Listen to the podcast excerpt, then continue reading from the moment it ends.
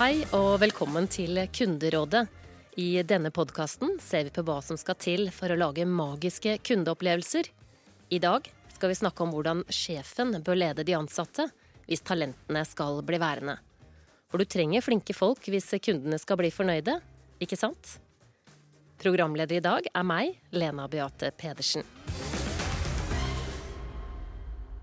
Hvordan kan du forhindre at talentene forsvinner fra din bedrift? Det finnes ikke ett eh, fasitsvar på det, men noen får det til. Gunnar Høyvik begynte på kundesenteret i DNB. Fem år senere jobber han tett på konsernsjef Rune Bjerke. Hva var det som fikk han til å bli? Det er utrolig sånn pulserende liv. Eh, det er masse stemmer som snakker forskjellig, så det er på en måte litt sånn, eh, man blir litt sånn slått tilbake med når man kommer inn. Det er en enorm sånn energi.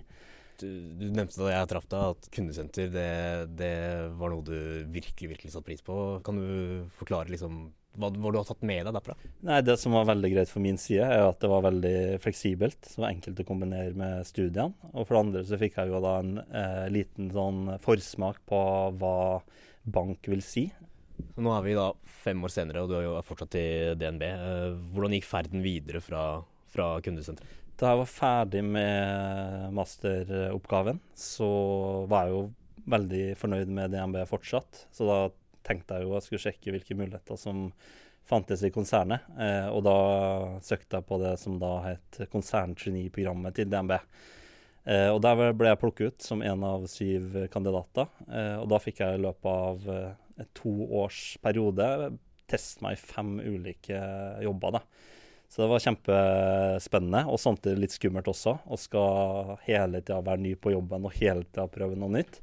Eh, men jeg har lært utrolig masse på de eh, to årene. Hvordan la DNB til rette for at du kunne vokse eh, internt i, i, bedriften? Eh, min opplevelse har jo vært at jeg hele tida har hatt ledere som har utfordra meg til å hele tida tenke videre, tenke læring, tenke neste steg. Eh, så min erfaring er at eh, det er mye viktigere å ha en leder som ser deg, som følger deg opp, som gir deg mening, enn å på en måte ha riktig stilling eller jobbe i riktig eh, sted. da. Og For min del så har det vært helt avgjørende. Eh, fordi det er fort gjort å, eh, når man er komfortabel i jobben og leverer gode resultater, at man lener seg litt tilbake og blir litt eh, fornøyd. Men det er akkurat da man skal søke videre. Og underveis har jeg fått god god støtte, og ikke minst fått oppfordringer om å, å gripe muligheter og blitt eh, nærmest coacha over i, i, nye roller. Eh, så det tror jeg er kjempeviktig, et kjempeviktig element ja, for å få, få til intern mobilitet. Da. Nå er du jo eh, da Jobber du da som rådgiver ved CEO Office. Eh, hvordan var første møte med konsernsjefen? Jeg var jo litt uh, spent, da. Uh, man har jo på en måte lest mye om henne i avisa og hørt om henne også internt. Så, så var jeg jo litt spent uh, på hva for en type det var. men ble jo veldig positivt overraska. Eh, for konsernsjefen i DNB, Rune Bjerke, er en veldig folkelig, hyggelig mann som, som har en sånn egen evne til å se alle. da. Eh, så når jeg har jobba tett med ham etter hvert, så ser jeg jo at han er jo på hilseren med alle konsernet, enten det er konserndirektører, eller om det er vaskepersonale eller serveringspersonale i kantina. Han er en folkelig og jovial mann og som på en måte ser alle oss som jobber for han. da. Så det gjorde jo med en gang at jeg kunne liksom senke skuldrene og, og, ha fokus på arbeidet, da. Og så 1000 kroner spørsmål til slutt. Hvor eh, ser du deg selv om uh, ti år? Jeg har jo lest uh, nok motivasjonslitteratur fra USA osv., så, videre, så så på det spørsmålet så skal man jo uh, se sjefen dypt inn i øynene, rett pekefingeren mot brystkassa hans og si du, da er jeg din stol. Uh, for å legge spøk til side, så tror jeg at det er mer uh, nyttig å fokusere på jobben som skal gjøres, og det å utvikle meg selv. Også for stillinger og titler og, og, det andre kommer i andre rekke. da. Det kommer mer som et resultat av enn at man skal gå og drømme om, om akkurat det. da. Og der hørte du Gunnar Høyvik, som har gått gradene i DNB fra kundesenteret til CEO Office. Reporter var Joakim Nyquist. Og da har vi fått en eh, gjest i eh, studio. Alf Inge Kleve Stiansen, du er managing partner og trener i firmaet Leading Edge. og jobber bl.a. med å trene ledere, støtte virksomheter i endringsarbeid og øke lønnsomheten når de skal nå målene sine. Velkommen til Kunderådet. Takk for det. Aller først, fortell oss hvorfor du er blitt så god på hva som gjør eh, en god leder til en god leder. Oi. Um, godt spørsmål. Jeg uh, tror at uh, over 15 år så har jeg fått uh, møtt veldig mange gode ledere i veldig mange bransjer på veldig mange forskjellige nivåer.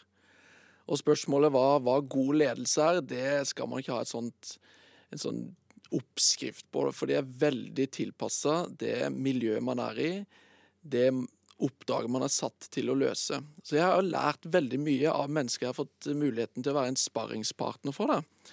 Og sett de i aksjon. Og det som har slått meg i løpet av disse 15 årene, det er at selv om jeg jobber med et stort spenn av type caser, så er det ofte de lederne som allerede er ganske gode, de kommer og ber om støtte til å bli enda bedre.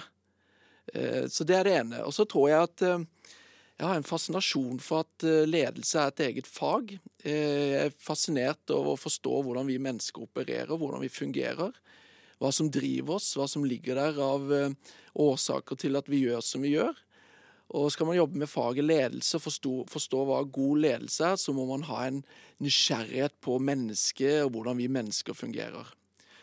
Og Det tredje som jeg har lyst til å si, det er at jeg alltid gjennom disse årene her um, hatt respekt for det vitenskapelige, akademia, i skjæringspunkt med praksis.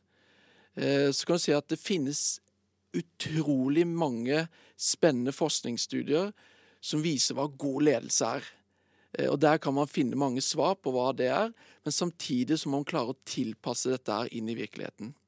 Så kanskje en kombinasjon av disse tingene. Så er jo å sitte i lederrollen selv, kjent på alle de gleder det kan ha, og samtidig hvilke utfordringer det gir. Når vi snakket sammen litt på forhånd, så snakket du litt om sjokket som ny leder. For det å være leder forbindes med høyere status, mer penger på kontoen. Men hva er det folk ofte ikke har tenkt godt nok gjennom før de går inn i en lederrolle? Ja, I løpet av disse årene så har jeg eh, fått lov å coache en, en del tusen timer én-til-én-ledere. Og det de ofte sier, det er at når de ble ledere, så var de overraska over hvor mye tid jobb plutselig tok. Så det må man være forberedt på, at i det øyeblikket du går inn i lederrollen, så plutselig så er arbeid mye mer eh, omfattende i livet ditt. Og det betyr at du er på jobb eh, over noe mer tid, altså på kveldstid. Du bruker mer tid rent fysisk. Men ikke bare rent fysisk, du er mye mer mentalt til stede i jobben din. Og de lederne som jeg har spurt, eh, de kan kjenne seg igjen at når de sitter og tenker jobb på kveld, når de ikke er fysisk til stede, så er det i stor grad knytta til utfordringer, bekymringer, ting som gir dem et indre ubehag. Og da er du inne i en spiral som kanskje er litt uhensiktsmessig for å kunne prestere godt over tid. Og det er litt sånn sjokk for mange. Eh, kan du gi oss et eksempel på hva det er de bekymrer seg for? Det kan være kvalitet i relasjon til medarbeidere. Det kan være at de trer inn i en rolle hvor de har en annen form for kontakt med sine kollegaer hvis de har vært i selskapet før. At de må gi slipp på en del eh, kalles sosiale settinger. Og så kan det være bekymringer knytta til de krav og forventninger. Det kan være utydelig lederskap og forventning til den rollen man har. Hvordan man skal fylle den osv. Så, så, så her er det mange ulike temaer de går og, og, og har i hodet sitt. da. Jeg er litt interessert i det du snakket om uh, utydelighet rundt hva man skal fylle lederrollen med. Og når man uh, kommer på intervju til en lederjobb, uh, hva er det som er viktig å forklare til før man takker ja til et eventuelt tilbud, slik at man kanskje ikke går på den smellen da, med å ikke helt forstå den lederrollen man skal fylle? Ja, jeg tror det viktigste man gjør, før man trer inn i en sånn eh, lederposisjon, det er å tenke igjennom hva er viktig for meg. Hva er viktig for meg i, eh, i en jobb, og hva er viktig for meg i en lederrolle. For det du finner der, det er det du skal matche opp imot det du kan eventuelt få i en ny stilling. For da vil du være ditt beste. Så det er viktig med gode forberedelser og tenke gjennom hva slags forventninger har jeg til meg selv i det å fylle den lederrollen. Og hvordan stemmer de forventningene jeg har til meg selv, opp imot de forventninger selskapet har til lederskap. Jeg ville vært nysgjerrig på eh, hva slags eh, leder jeg selv ville ha fått. Fordi eh, selv om man er leder, så har man ofte en leder over seg, og man blir utsatt for et lederskap. Vær nysgjerrig på hva slags lederfilosofi, hva slags eh, lederskap den personen utøver. Og om det finnes noe kultur for lederskap. For det er veldig mange ledere kjenner seg igjen at de er litt sånn ensomme i den rollen. Og hvis det da er helt fravær av samhandling, ledelseskultur, at ikke du har kollegaer å spare med, så kan det bli en litt tøff overgang for mange. Når man er ung og begynner i arbeidslivet, så er det jo lett å tenke seg at det bare er én vei karrieremessig, altså opp. Men hvor mange er det egentlig som forlater en lederposisjon årlig, og hva er årsakene til at folk gjør det? Det fins eh, noe tall på det. Hvis vi sier at vi har eh, rundt 2,4 millioner eh, ansatte i Norge i dag, og at det er ca. én leder per sjuende, så er vi rundt 350 000 ledere på et operativt nivå. Og da viser noen, noe statistikk at av de som går inn i lederrollen for første gang, eller går inn i en lederrolle i et nytt selskap, så er de kortere tid i den rollen enn andre typer medarbeidere. Eh, og Noe statistikk viser så brutalt at eh, de er borte fra den eh, lederrollen før det er gått ett år. Og Det betyr at det er veldig høy turnover. Og av de som er igjen, så går igjen 50 med en idé om er dette det riktige for meg. Så her er det en del eh, uhensiktsmessig situasjon for mange. Og årsaken til det, tror jeg, og som òg beskrives i, i arbeidslivsforskning, er at mange kjenner litt på den der sorgen med å forlate faget sitt. Man begynte inn i arbeidslivet, kom fra studier, var fascinert av å jobbe med et fag, jobbe med kollegaer på det samme nivået, løse caser. Så plutselig blir man løftet opp, og så skal man drive mer med kalle administrasjon, coache andre. At man fjernes litt fra faget. Men så er det jo mange i dag som har en todelt rolle. Og det er å både være i faget, i prosjektet, og samtidig skal de være ledere. Så det er en sånn todelt uh, rolle der. Og den er for mange litt vanskelig å håndtere. Men andre ting som er knyttet til uh, det at de forlater, det er jo ofte at man kommer inn i en kultur som allerede er etablert, og så skal man finne sin plass i det. Manglende forventningsavklaringer, manglende støtte, manglende gode onboarding-prosesser for ledere gjør at de eh, opplever manglende mestring. Og så tenker de at jeg vil kanskje bruke tida med på litt annet. Og du, du snakket om dette, dette, med lederstilen til eh, si, lederens leder. Uh, og um, det har jo skjedd noe der også gjennom årene. Lederstil før og nå. Hvordan har lederrollen utviklet seg sånn historisk sett? Ja, sånn overordna så kan jeg si at vi har gått fra et litt sånn kontroll- og kommandolederskap til mer medbestemmelse, empowerment, som det så fint heter på engelsk. Og I Norge i dag så, så, er det jo beskrevet at vi har en veldig fin, flat struktur hvor det er mye demokrati, vi kan være involvert osv. Men så må jeg jo si at når jeg har jobbet med veldig mange caser, at her er det veldig stort spenn. Så det er fremdeles i Norge, selv om vi kan si at vi har høy grad av medbestemmelse, så er det òg utøvelse av et lederskap i enkelte miljøer som er ganske hardt. Veldig eh, kontrollerende, kommanderende, eh, hvis en kan kalle det det. Men historisk sett så har det flyttet seg fra kommandokontroll, eh, hvor lederen har liksom en kontrollfunksjon, til det å involvere, være en coach, en støttespiller, for faglig sterke mennesker for å få mest mulig ut av potensialet deres og kunne være i stand til å følge de endringene og svingninger som er i markedet. For Hvis du utøver et veldig tydelig kontroll- og kommandosystem i dag, så er markedet sånn at det blir litt brutalt for deg. Da blir du hengende fort etter. Ja, og de, Vi snakker om at det er en ny generasjon arbeidstakere som eh, kommer inn nå, som kanskje har litt andre forventninger. Hva slags type ledelse må du satse på hvis du vil beholde unge, dyktige talenter? Det slår meg ganske ofte hvor eh, lite som egentlig skal til. Ta vare på unge talenter i dag, så eh, se de. Legg merke til de, vær nær de, og ta de på alvor. Det er viktig.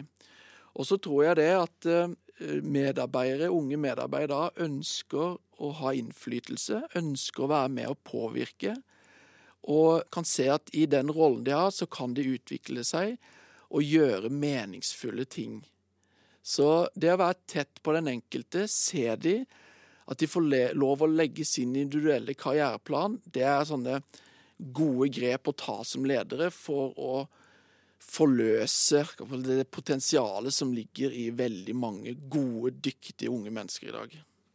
Når vi snakket sammen litt på forhånd, så nevnte du dette med involvering, og eh, brukte strategi som eksempel.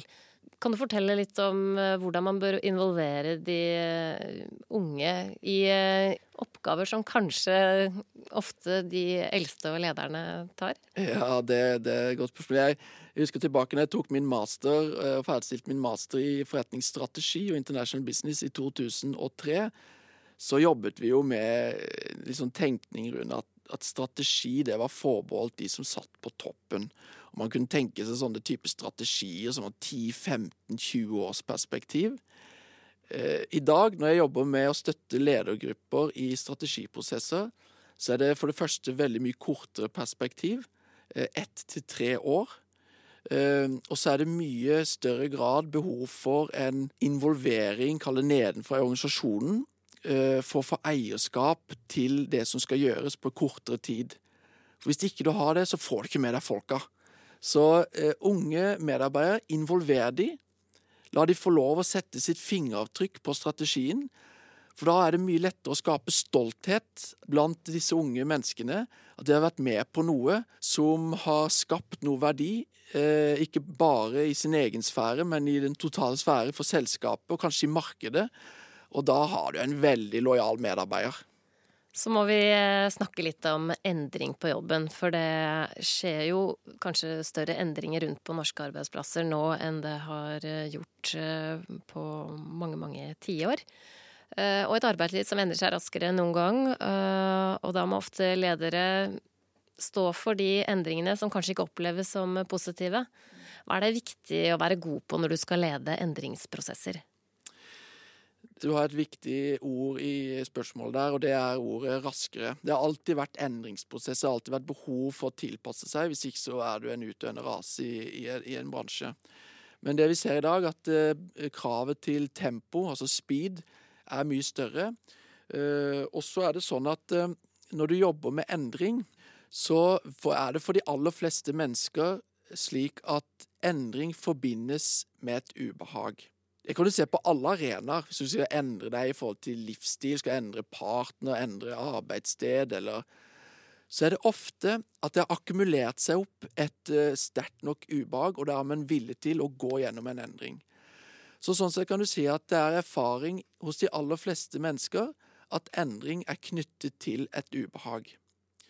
Og det betyr at uh, når man skal øke tempo, så kan du selvfølgelig fyre opp ubehag for å speede opp en endringsprosess. Men da kan vi jo igjen spørre oss er det sånn type arbeidsliv vi vil ha. At vi endrer oss og blir bedre basert på at vi må, og frykt for ikke å være god nok. Et ubehag som har akkumulert seg opp. Nei. De beste lederne i dag de er flinke til å kommunisere eh, det som er eh, der fremme.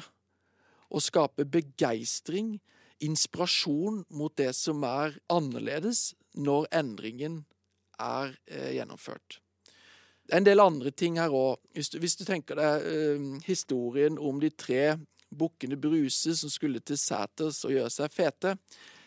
I mange endringsprosesser i eh, næringslivet i dag så fortelles den historien på en, uh, hva skal jeg si, en sånn måte som ville vært uh, Ja, det var de tre bukkene Bruse som må over broa, og under broa så er det et troll. Og Det betyr at man snakker om endringsprosess som noe krevende. Istedenfor å snakke om at det er en naturlig utvikling, snakke om at det finnes noe på den andre siden der som er enda mer attraktivt. Det er et viktig prinsipp å ha med seg når man jobber med endring, og det er at hjernen vår søker alltid behag. Og det betyr at det som er, er ofte forutsigbart, trygt, og idet man bare presenterer troll under brua som en del av endringsprosessen, så vil man søke tilbake til det som er så må man skape et bilde av det som er der fremme, som noe mye mer attraktivt enn det vi har i dag. Så det er en viktig egenskap hos ledere som jeg jobber mye med når jeg støtter én-til-én, og, og i ledergrupper. Det er å fortelle den historien om den setra på den andre siden av broa der. Hva slags tips har du til ledere som eh, skal i gang med en viktig endringsprosess eh, fremover nå? Ja, ut fra det jeg har sagt så langt, da, så kan du si at ja, det er naturlig at endringsprosesser settes i gang fordi man er tvunget til det, man er nødt til det. Så da er det sånn overordna godt tips det er å se det som det er, men ikke verre enn det er. Det er et sånn prinsipp. Så man kan i endringsprosesser fyre opp sånn at det blir større enn det det egentlig er. Så se det som det er, men ikke verre enn det er. Nummer to det er å se en bedre utgang enn det det har vært. Og det tredje det er å skape involvering. Eh, for da får du eierskap, og så får du stolthet. Jeg skal til å si Det er seks ting da, som jeg ofte tar med meg inn når jeg støtter eh, organisasjoner og virksomheter, og enkeltledere når de skal gjennom endringsprosesser. Og Det ene det er at eh, når du skal gjennom en endringsprosess, ta så Sett en tydelig tidsramme. Når er det vi starter, og når er vi ferdig? Eh, for hvis det ikke settes et eh, tidspunkt i dette, her, så er det lett for at det flyter ut, og så mister du måtte, kraften i en endring. Det andre det er å være veldig tydelig på kontrasten mellom det som er, og hvordan det skal være i fremtid. Og Det går tilbake til det at hjernen søker alltid behag. Men hvis det ikke er en kontrastforståelse av det som skal være der fremme, kontra det som er nå, så vil det naturlige, på en måte autopiloten vår, vil trekke oss tilbake til det vi har i dag. Nummer tre det er å skille tydelig mellom tiltak og mål. Endringsprosess i seg selv er et virkemiddel. Endringsprosess i seg selv må aldri kommuniseres som et mål. Men hva er målet med endringsprosessen? Og når man da går i gang, ta skill godt mellom tiltak, initiativ som skal gjøres for å nå mål. Og her har ledere masse å gå på, fordi de kan kommunisere tiltak som mål. Og da blir ofte medarbeiderorganisasjonen litt forvirra. Det fjerde det er å forenkle og beskrive tydelige forventninger til endret atferd. Så hva betyr denne endringen for den enkelte i konkret atferdsendring. Ta Velg ut én ting. Start med noe, og gi en følelse av progresjon og fremdrift. Det femte det er at eh, underveis i endringsprosessen så er det et veldig godt virkemiddel å feire fremgang. Det å, å kommentere progresjon, kommentere at det er fremdrift, og markere det og feire det. For det skaper lyst blant medarbeidere og i virksomheten til å fortsette utviklingen. Og det siste det er at eh, det er veldig fint underveis at du skaper som leder arenaer for erfaringsutvekslinger hvor man kan drive med kontinuerlige justeringer i den endringsprosessen man er i. Å være en leder som både er god med mennesker, fag og kommunikasjon.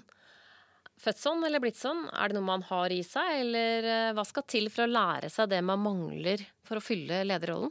Jeg har en veldig, veldig sterk overbevisning om at alt kan læres. Jeg er eh, veldig forsiktig med å si at eh, du er sånn, du er født sånn, for det er så utrolig begrensende tankesett. Så jeg har fått noen sånne spørsmål underveis i, løpet av disse årene. Kan alle bli ledere? Så tenker jeg Det kommer an på om de har lyst. Det er det, det ene. Og hvis de har lyst, så kan alt læres. Altså Vi skifter ut alle cellene våre i kroppen med jevne mellomrom, så vi er jo nye mennesker rent sånn fysiologisk uansett. Så jeg tror at Alt kan læres. Og for at ting skal læres, så er du nødt til å sette av tid til kall selvbevissthet, eh, refleksjon, slå av autopiloten og coache deg selv. Det er det ene. Hva er det jeg ønsker å utvikle? Hvordan kan jeg komme i gang? Eh, hva er det jeg ønsker å bidra med som leder? Eh, hvordan vil jeg fylle den rollen? Og så tror jeg det er veldig smart å, å ha mennesker rundt seg som kan supplere, som kan støtte deg, korrigere deg, være åpen for feedback. Så um, det tror jeg er et godt utgangspunkt for å, å tre inn og fylle lederrollen. Og ja, jeg tror alle kan det hvis de vil. Litt tilbake til det vi snakket om eh, tidligere. Hvis det er slik at ledere får mest ut av de ansatte gjennom å coache og lytte til deres eh, fagkunnskap, hva er så viktigst? Faglig kompetanse eller ledelseskompetanse? Jeg tror du må ha litt av begge deler. Fordi eh, næringslivet begynner å bli mer og mer spisset sånn faglig sett, og medarbeidere har mer og mer høyere faglig kompetanse. Og veldig ofte så rekrutteres jo da ledere fra et fagmiljø, og så kommer de inn i lederrollen.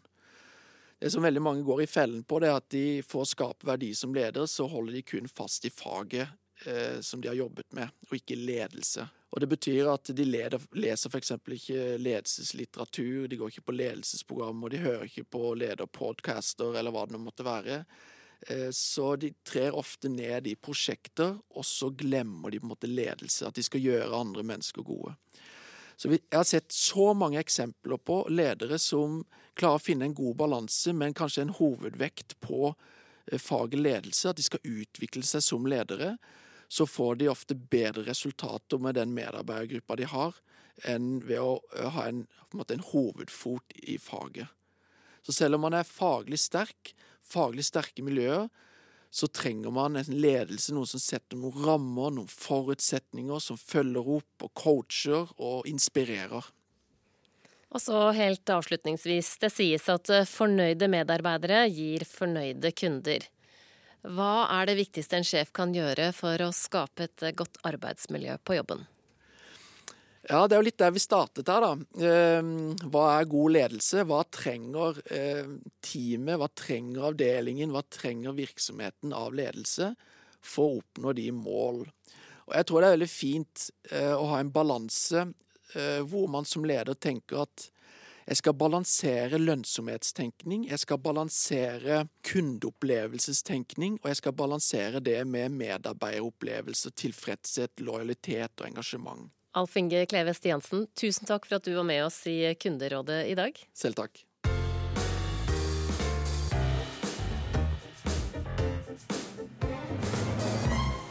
Om noen få uker går Tekna-konferansen Kundeservice-dagene av stabelen. Der får du bl.a. vite hvilken teknologi som vil forme kundeservicen i årene som kommer. I tillegg skal årets kundeserviceledelse kåres. Vi har fått være flue på veggen når juryen snevrer seg ned til fire finalister. Vi har skapt et eller annet, eh, en historie, ja. et bilde. At vi vet hvordan Et steinkast unna Vålerengas hjembane på Valle i Oslo nærmer den intense kampen seg slutten. Det vi i dag har gjort, er jo at vi har bestemt hvor mange er det som går til finalen. Hvem er det vi skal ut og besøke? Det forteller seniorkonsulent i STI, Lene Mo Bjørkheim. Hun er juryformann for prisen Årets kundeserviceledelse, som deles ut under Tekna-konferansen Kundeservicedagene. Når vi kommer ut, så vil vi se mye av dette, og vi vil kjenne det på fjøslukta. på et møterom sitter juryen rundt et bord og diskuterer så bustene fyker. De skal kåre én som skal smykke seg med tittelen 'Årets beste kundeserviceleder'. Men la oss spole tilbake. Hvordan kom vi hit? Vi starter først med at, eh, at, eh, medarbeidere som eh, har dyktige ledere, kan få lov til å nominere sine ledere. Først nomineres ledere av sine egne medarbeidere. Over 40 nominasjoner ble i denne omgang sendt til juryen. Juryen undersøker så medarbeidernes tilfredshet og ledernes egne evalueringer av arbeidet sitt. Svarene samles i rapporter på om lag 20 sider. Deretter så blir det diskusjoner. fordi at Én uh, ting er poengene, men en annen ting er hva er det vi kjenner. Hva er det vi kjenner av passion, hva er det vi kjenner av, uh, av gode beskrivelser. Det er ganske forskjellig å drive kundeservice innenfor inkasso kontra det er å gjøre når du skal uh, f.eks. gå ut og spise. Så Det er to forskjellige serviceopplevelser som man bygger rundt dette, og det kan jo juryen faktisk vurdere. De ti gjenstående kandidatene skal snevres inn til fire ledere som juryen skal besøke. Noe som både kan være krevende og ikke fullt så krevende, forteller Bjørkheim. Det er eh, stort strekk i laget. Eh, det er helt klart eh, veldig mange som er veldig gode på serviceledelse. Og så er det noen som av personlige egenskaper eller andre ting kommer frem som dyktige og blir nominerte, samtidig som vi kanskje ikke ser nødvendigvis den strukturen, den refleksjonen, den bevisstheten rundt eget lederskap. Noen er kanskje umodne, at det er litt tidlig å melde seg på den uh, kåringen. Mens uh, andre er veldig, veldig dyktige. Å kåre den beste lederen kan kanskje ikke kalles en eksakt vitenskap. Vi kan alle ha ulike oppfatninger om hva god kundeservice innebærer. Kan det gjøre at for mye vekt legges på harde, målbare tall? Eh, det enkle svaret på det er ja. ja. Det er, det er, mange som måler på litt gammeldagse måltall. Og det skal vi jo ha kontroll på. Vi skal ha kontroll på samtaletid, vi skal ha kontroll på tilgjengelighet, vi skal ha kontroll på svartid. Spørsmålet er hvordan er det vi synliggjør det, hvilke tall er det vi synliggjør, og hva er det vi bruker mot medarbeiderne. Jeg tror at de aller færreste medarbeiderne syns det er fryktelig motiverende å jobbe mot et, et, samtaletid. Da er det mer med på en måte, hva er det vi faktisk leverer til kundene. Til tross for hard kniving om å være best, tror Lene Mo Bjørkheim at konkurransen er en fin måte for ansatte å vise at de setter pris på gode ledere? Bak gode resultater så står det dyktige medarbeidere, og bak dyktige medarbeidere så står det dyktige ledere. Eh, og Det er da ekstra gøy å se at det er en god oppslutning, og at det, kanskje man kaster litt janteloven på, på, på, båten også i denne prosessen. Hvor man da én tør å skryte av andre, og to tør å ta imot den nominasjonen og si ja, vet du hva, vi har lyst til å vise fram og prøve oss i denne kåringen. Og vinneren av årets kundeserviceledelse annonseres på kundeservicedagene 30. til 31. januar. Reporter i innslaget var Torgeir Gjendem Mortensen. Takk for at du lyttet til eh, denne episoden av Kunderådet.